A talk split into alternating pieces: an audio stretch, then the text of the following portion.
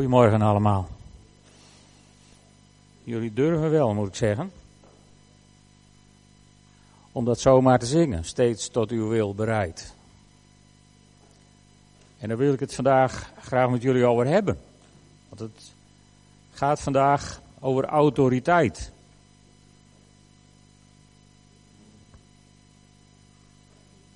En dan heb ik waarschijnlijk af en toe een handtekort, want ik ben natuurlijk gewend aan een hands-free microfoon, maar die uh, is onder al het geweld bezweken. Goed, autoriteit van God. Ik neem jullie nog één keer mee naar Marcus 6, vers 7 en 8.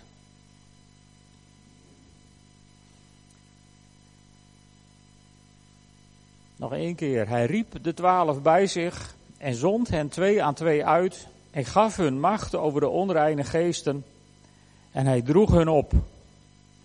En daar komen opnieuw die vier punten uit. Twee weken geleden hebben we stilgestaan bij onze roeping, bij God die ons roept voor een beweging naar Hem toe. Om dichter bij Jezus te komen, dichter bij God, ons leven aan Hem toe te vertrouwen. Daar hebben we vorige week stilgestaan bij het feit dat we, nadat we geroepen zijn, zijn uitgestuurd, uitgezonden om andere mensen te roepen, andere mensen te vertellen van ons leven met God, onze avonturen met Jezus. En vandaag wil ik met jullie stilstaan bij het functioneren in Gods kracht, onder Gods gezag. En de subtitel van de preek van vandaag, die zou kunnen zijn, als je niet buigt voor Gods gezag, kun je nooit staan in zijn gezag. Dat zal ik proberen uit te leggen. Jezus neemt gezag over zijn discipelen. Hij roept ze naar zich toe, hij stuurt ze uit en hij draagt ze op. Daarmee neemt hij gezag in het leven van zijn discipelen.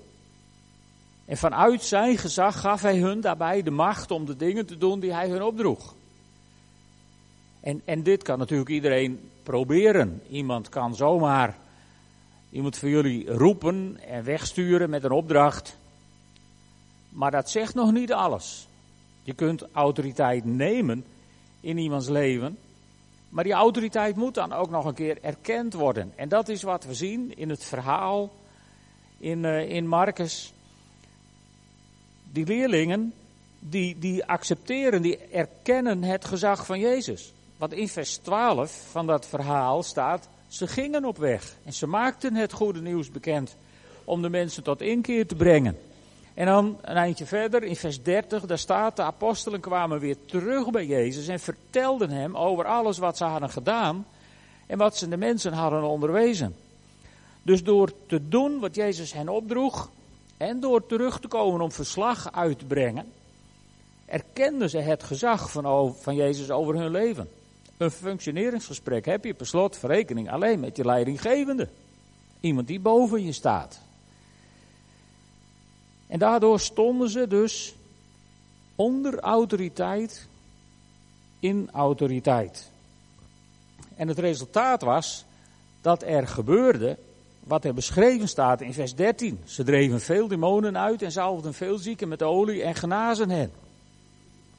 En dat lees je door door heel handelingen vooral, als de discipelen echt erop uitgaan om het evangelie te verkondigen, als ze er echt op uitgaan om te doen wat de Heilige Geest hen heeft opgedragen om te doen, dan gebeuren er dit soort dingen, maar bovenal komen heel veel mensen tot geloof, gaat de gemeente explosief groeien en, en hebben ze gewoon een geweldige tijd met elkaar, want de kracht van God wordt zichtbaar in hun leven.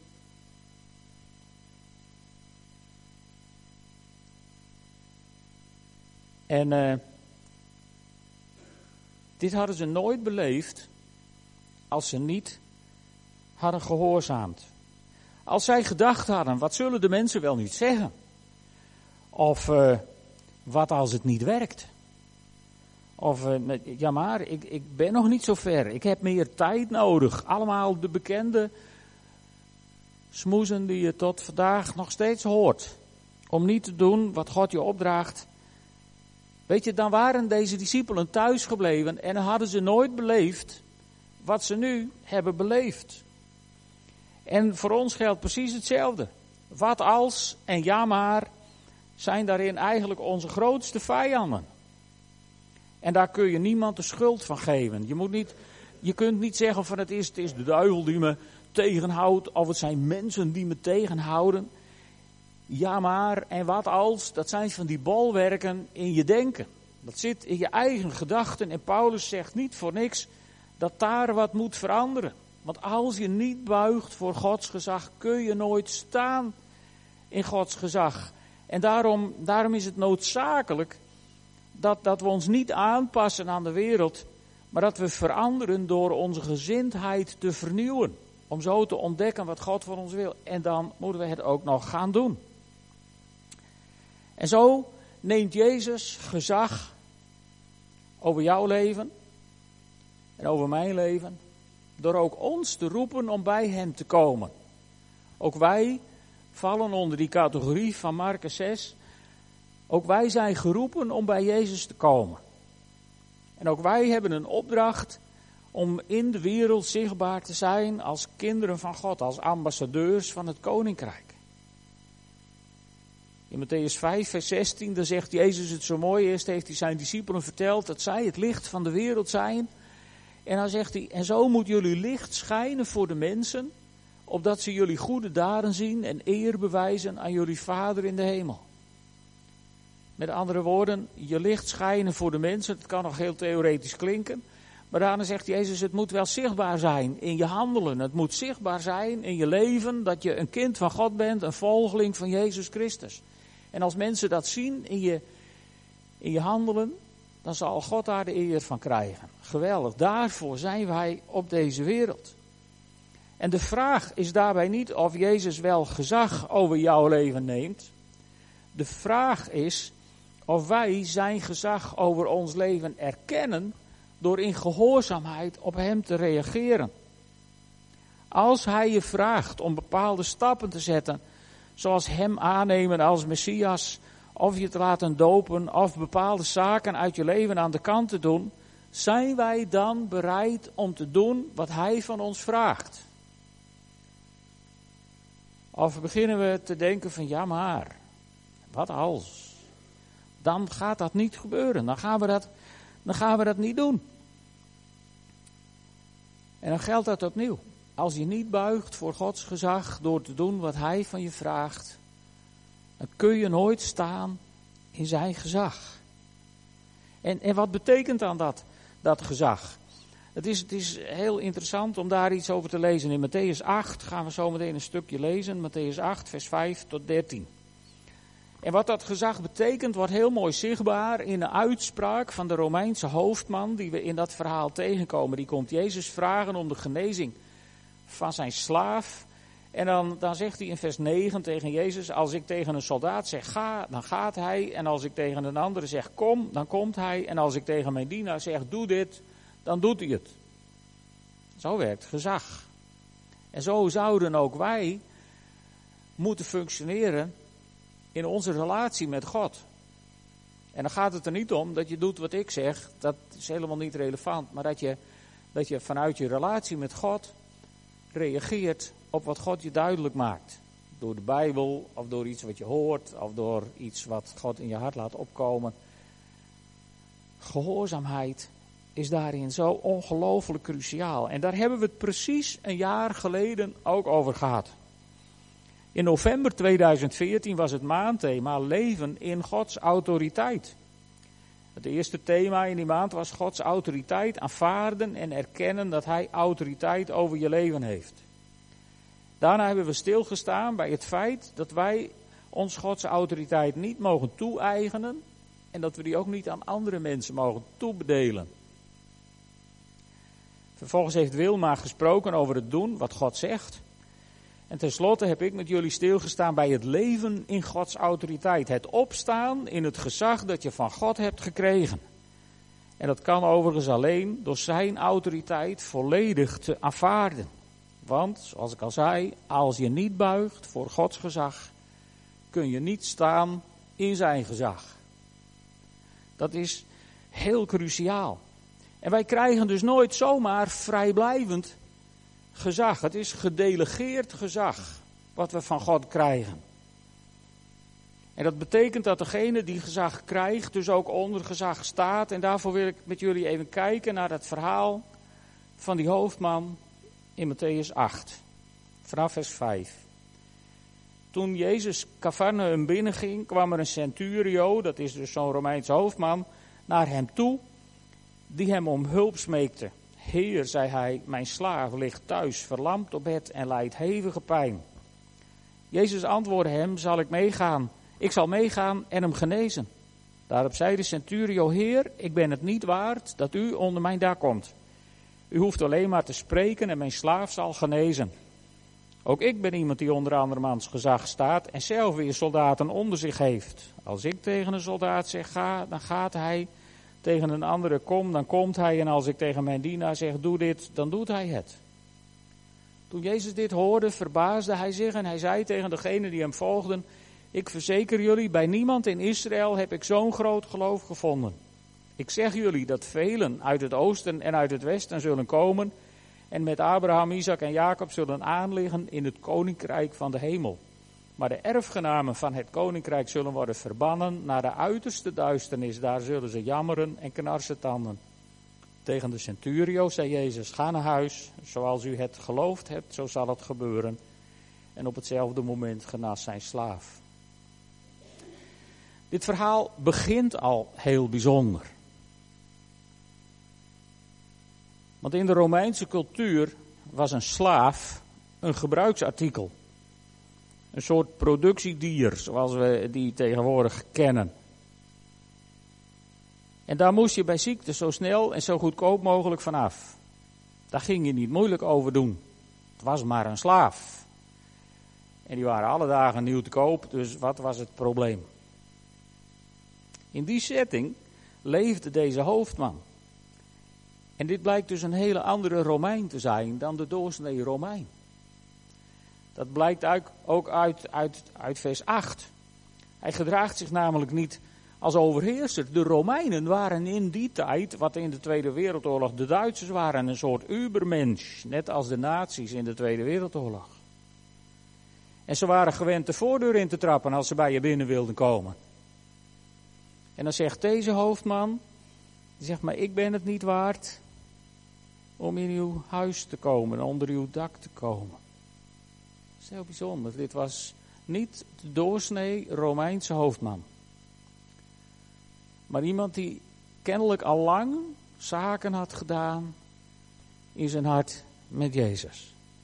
Hij erkent het gezag van Jezus en hij beleeft een wonder. Dat is niet geweldig? En als je het gezag van Jezus over je leven erkent door Hem aan te nemen als je verlosser, dan hoor je bij die velen die zullen komen om God te aanbidden uit alle hoeken van de wereld. En als je die keuze niet maakt, hoor je bij de tweede groep. Reageren op het roepen van Jezus is dus cruciaal in een mensenleven. Als je geroepen bent, en dat ben je, dan is het heel belangrijk om daarop te reageren. En toch zijn heel veel mensen best wel gered, zeg maar even, zonder in geestelijke autoriteit te leven. En wat mij dan triggert is, hoe kan dat? Wel, toen Jezus naar de hemel ging, toen gaf hij zijn discipelen autoriteit. Om door te geven aan de volgende, aan de volgende, aan de volgende, aan de volgende, uiteindelijk aan jou en mij. We lezen daarover in Marcus 13, vers 34. Daar vertelt Jezus in de vorm van een gelijkenis wat er zal gebeuren als hij na zijn opstanding naar de hemel gaat. En dan zegt hij, het zal zijn als bij iemand die naar het buitenland ging. Hij verliet zijn huis en gaf zijn slaven volmacht. Het woord autoriteit wordt daar gebruikt. En gaf aan ieder zijn werk en gebood de deurwachter waakzaam te zijn. Dus ze kregen gezag. Het Griekse woord exousia, wat betekent dat je ten eerste het recht hebt om zelf te kiezen wat je ermee doet. Je hebt een soort vrijheid van keuze. En er is ook, een soort, er is ook kracht aan verbonden. En je hebt echt gezag, dus het recht om dingen te doen. Maar uiteindelijk komt het erop neer dat je onder autoriteit staat in autoriteit. Het is gedelegeerde autoriteit die die slaven kregen. Ze bleven slaven van de meester tot hij terugkwam. Ze werden niet meester in plaats van. Dat moeten we ons altijd goed realiseren. We staan onder autoriteit. Lucas die, die schrijft het net een beetje anders. Ditzelfde. Daar staat, uh, daar staat over de roeping van de discipelen. Hij riep de twaalf bij zich en gaf hun macht en gezag over alle demonen en de kracht om zieken te genezen.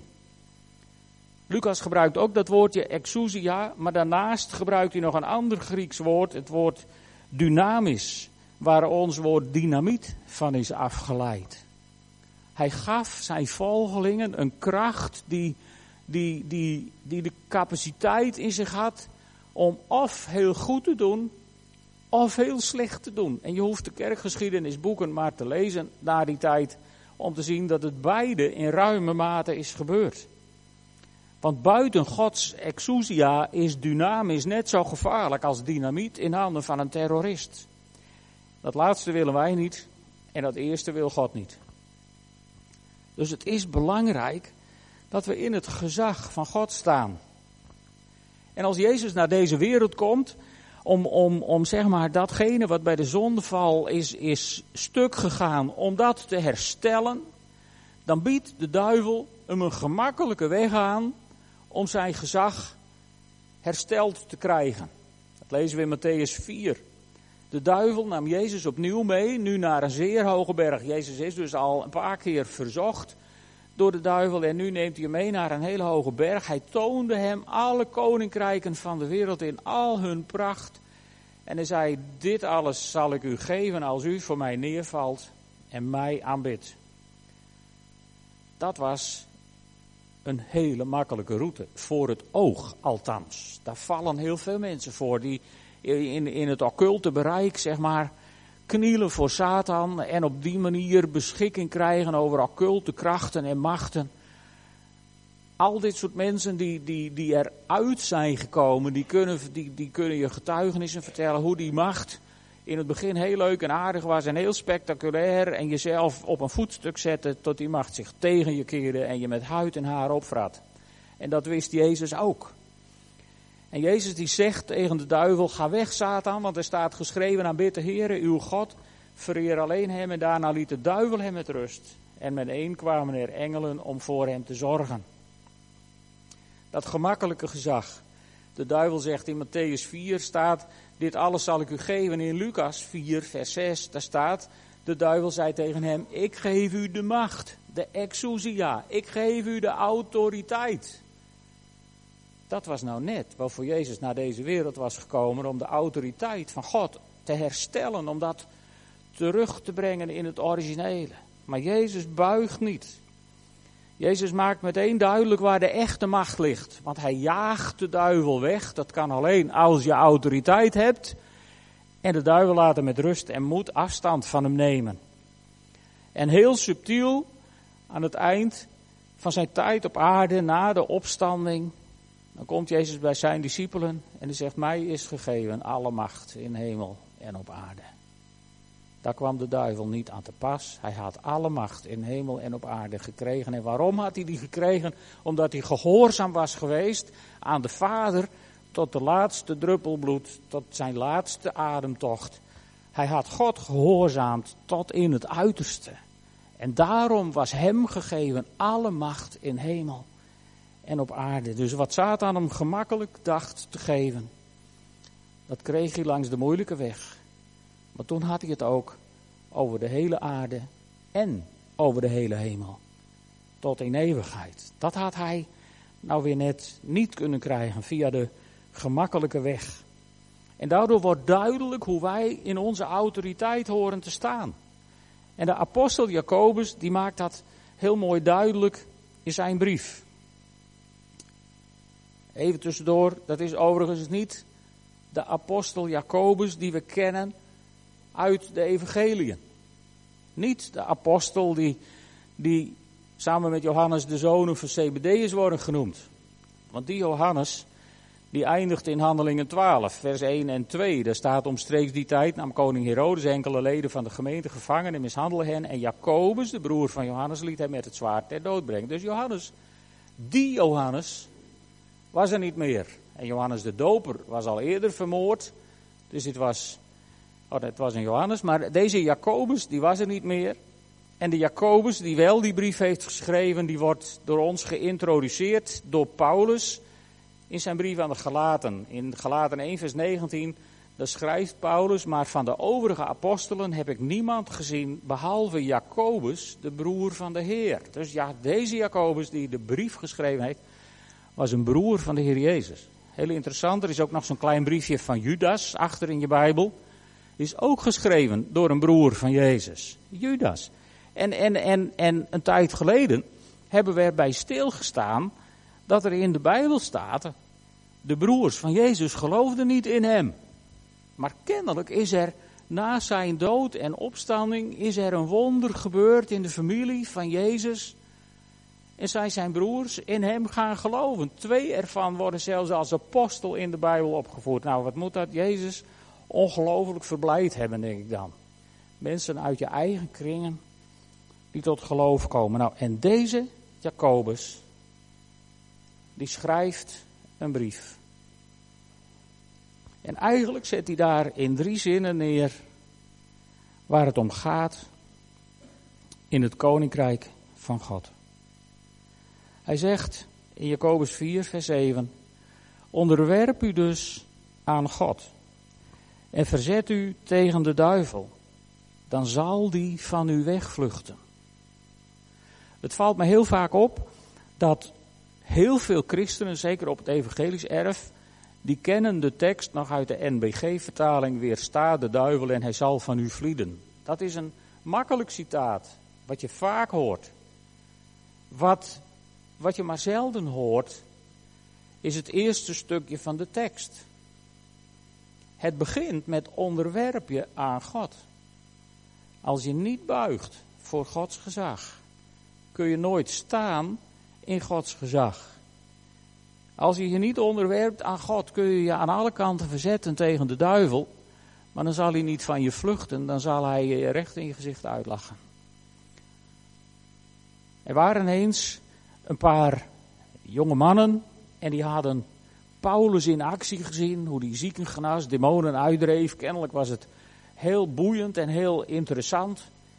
En die jongens die dachten, goh, dat kunnen wij ook wel. En die komen met iemand in aanraking die kennelijk behoorlijk bezet gebied was. En dan zeggen ze tegen hem, in de naam van die Jezus van Paulus, gebieden wij u. En wat doet die demon?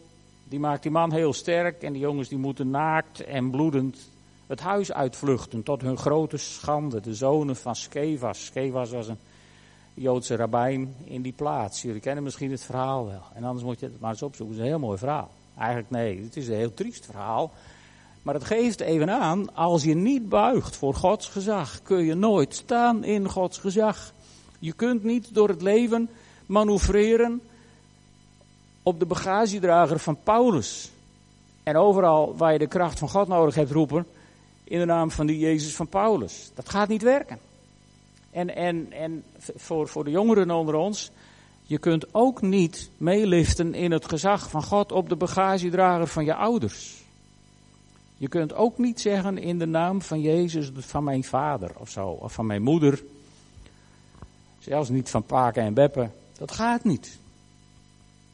Je zult zelf je keuzes moeten maken. En die keuzes die zijn gewoon heel cruciaal in een mensenleven. Weet je, onze geestelijke autoriteit, die we allemaal hebben gekregen, die kan alleen ten volle werkzaam zijn onder Gods autoriteit. Als we willen doen wat Hij ons opdraagt. En uh, daarom zou ik je een vraag mee willen geven. Heb je nog dingen in je leven waarin je zaken met God zou moeten doen? Heb je misschien nog nooit tegen God gezegd, tegen Jezus gezegd: Heer, ik wil u aannemen als mijn persoonlijke verlosser. Niet meer de verlosser van je vader en moeder. Misschien moet je zo'n keuze heel nodig een keer maken. Of ouders, misschien heb je thuis tieners of tieners die nu eh, bij het kinderwerk zitten of elders zijn ingezet, die die keuze nog nooit hebben gemaakt. Vaders en moeders, hebben jullie het lef om daar met je kinderen over te praten? Durven jullie het daar überhaupt in deze tijd nog over te hebben?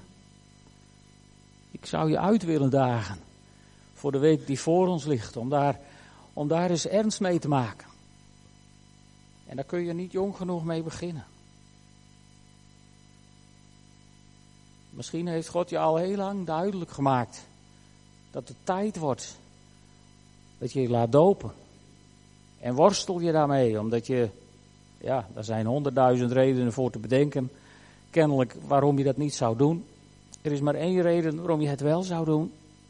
En dat is omdat het in de Bijbel staat en omdat God in je hart toch best wel aan het, aan het werk is.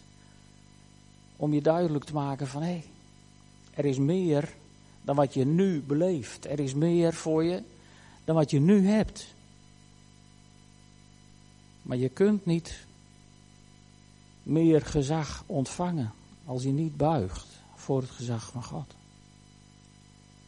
En het ook, kan ook zomaar zijn dat er andere dingen in je leven zijn waarvan je al heel lang weet, hier moet ik mee kappen. Dit is niet in overeenstemming met wat God wil voor mijn leven. En dan ik, ik pleit niet voor wetticisme, begrijp me heel goed. Maar over het algemeen heb ik een God leren kennen die zo intens genadig is. Zo intens veel van mensen houdt. Dat die mensen die op een verkeerd spoor zitten wel degelijk rechtstreeks heel persoonlijk aanspreekt in hun hart. En als u hier zit en, en, en, en het gaat over u, dan weet je heel precies wat ik bedoel. Dat hoef ik je niet uit te leggen, dat kan ik je ook niet uitleggen. Maar als God in je hart aan het werk is, dan weet je dat wel. Dan voel je dat wel. Dan proef je dat wel. Want de liefde van God is eigenlijk onweerstaanbaar. Ik weet niet hoe het in jullie leven is gegaan, maar als ik erop terugkijk, dan denk ik de liefde van God is onweerstaanbaar. En je moet heel sterk, je moet veel sterker in je schoenen staan.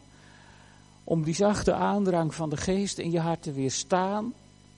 Dan om gewoon gehoorzaam te zijn aan wat God wat je wil. Dat is echt de makkelijkste weg. Neem dat van mij aan. Dat is de makkelijkste route.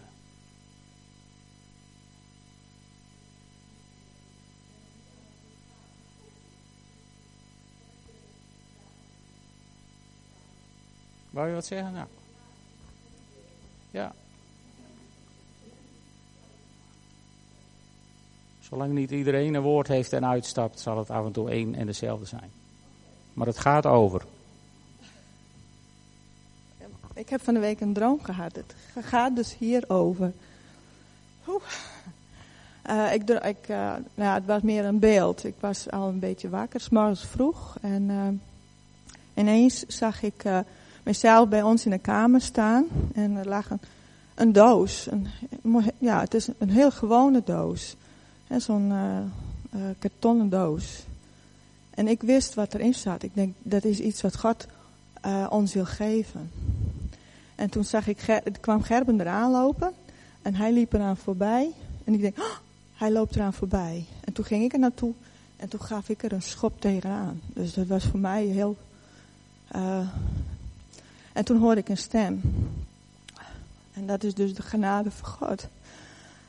Um, hij zei van, Gerben kan eraan voorbij lopen, jij kunt er tegenaan schoppen. Maar dan geef ik het door aan je uh, nageslacht, want ik gooi het niet weg. En toen kreeg ik dus de naam van mijn, uh, mijn kleinzoon, die heeft uh, een beetje, de, Gerben, hè, mijn kleinzoon heet, heet, Jarben. En uh, dat is eigenlijk dezelfde betekenis als de naam Gerben. Dus daar zit ook een belofte in. Dus uh, met dat wij dus nou ja, die doos uh, ja, minachten of voorbij liepen, zei God, ja, maar voor mij is dit heel kostbaar en ik geef het dan wel door aan je nageslacht. Dus ja, dat is ook een beleidenis eigenlijk. Oké, super. Dankjewel.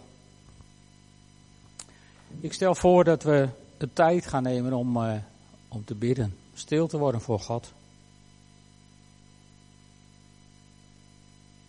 En als het over autoriteit gaat, ik denk dat het belangrijk is om dat nog wel te zeggen. Als het gaat over buigen voor Gods autoriteit, dat is voor elk van ons een persoonlijke verantwoordelijkheid. Niemand van ons is geroepen om te zorgen dat een ander buigt voor Gods autoriteit. Dus ik, ik wil met jullie gaan bidden en, en God bidden ook om, om belemmeringen op te ruimen in je hart. Maar focus even op, op jou en God. Niet op andere mensen om je heen. Het kan heel verleidelijk zijn om God even duidelijk te maken. Wat hij in het leven van je kinderen of van je kleinkinderen moet doen. Om hen te laten buigen, maar daar ga jij niet over. Zullen we tijd nemen om te bidden? Stil te worden voor God.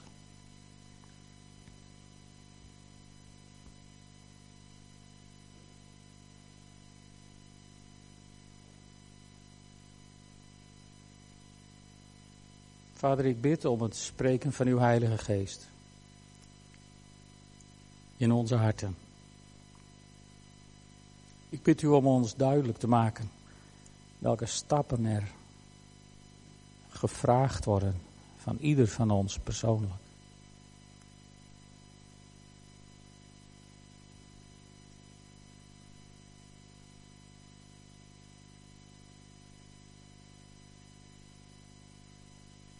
Wil zo ook iedere ruis vanuit de wereld, de drukte waaronder we misschien hier gekomen zijn, of de spanning voor wat we allemaal vandaag nog moeten doen, die wil ik het zwijgen opleggen in de naam van Jezus.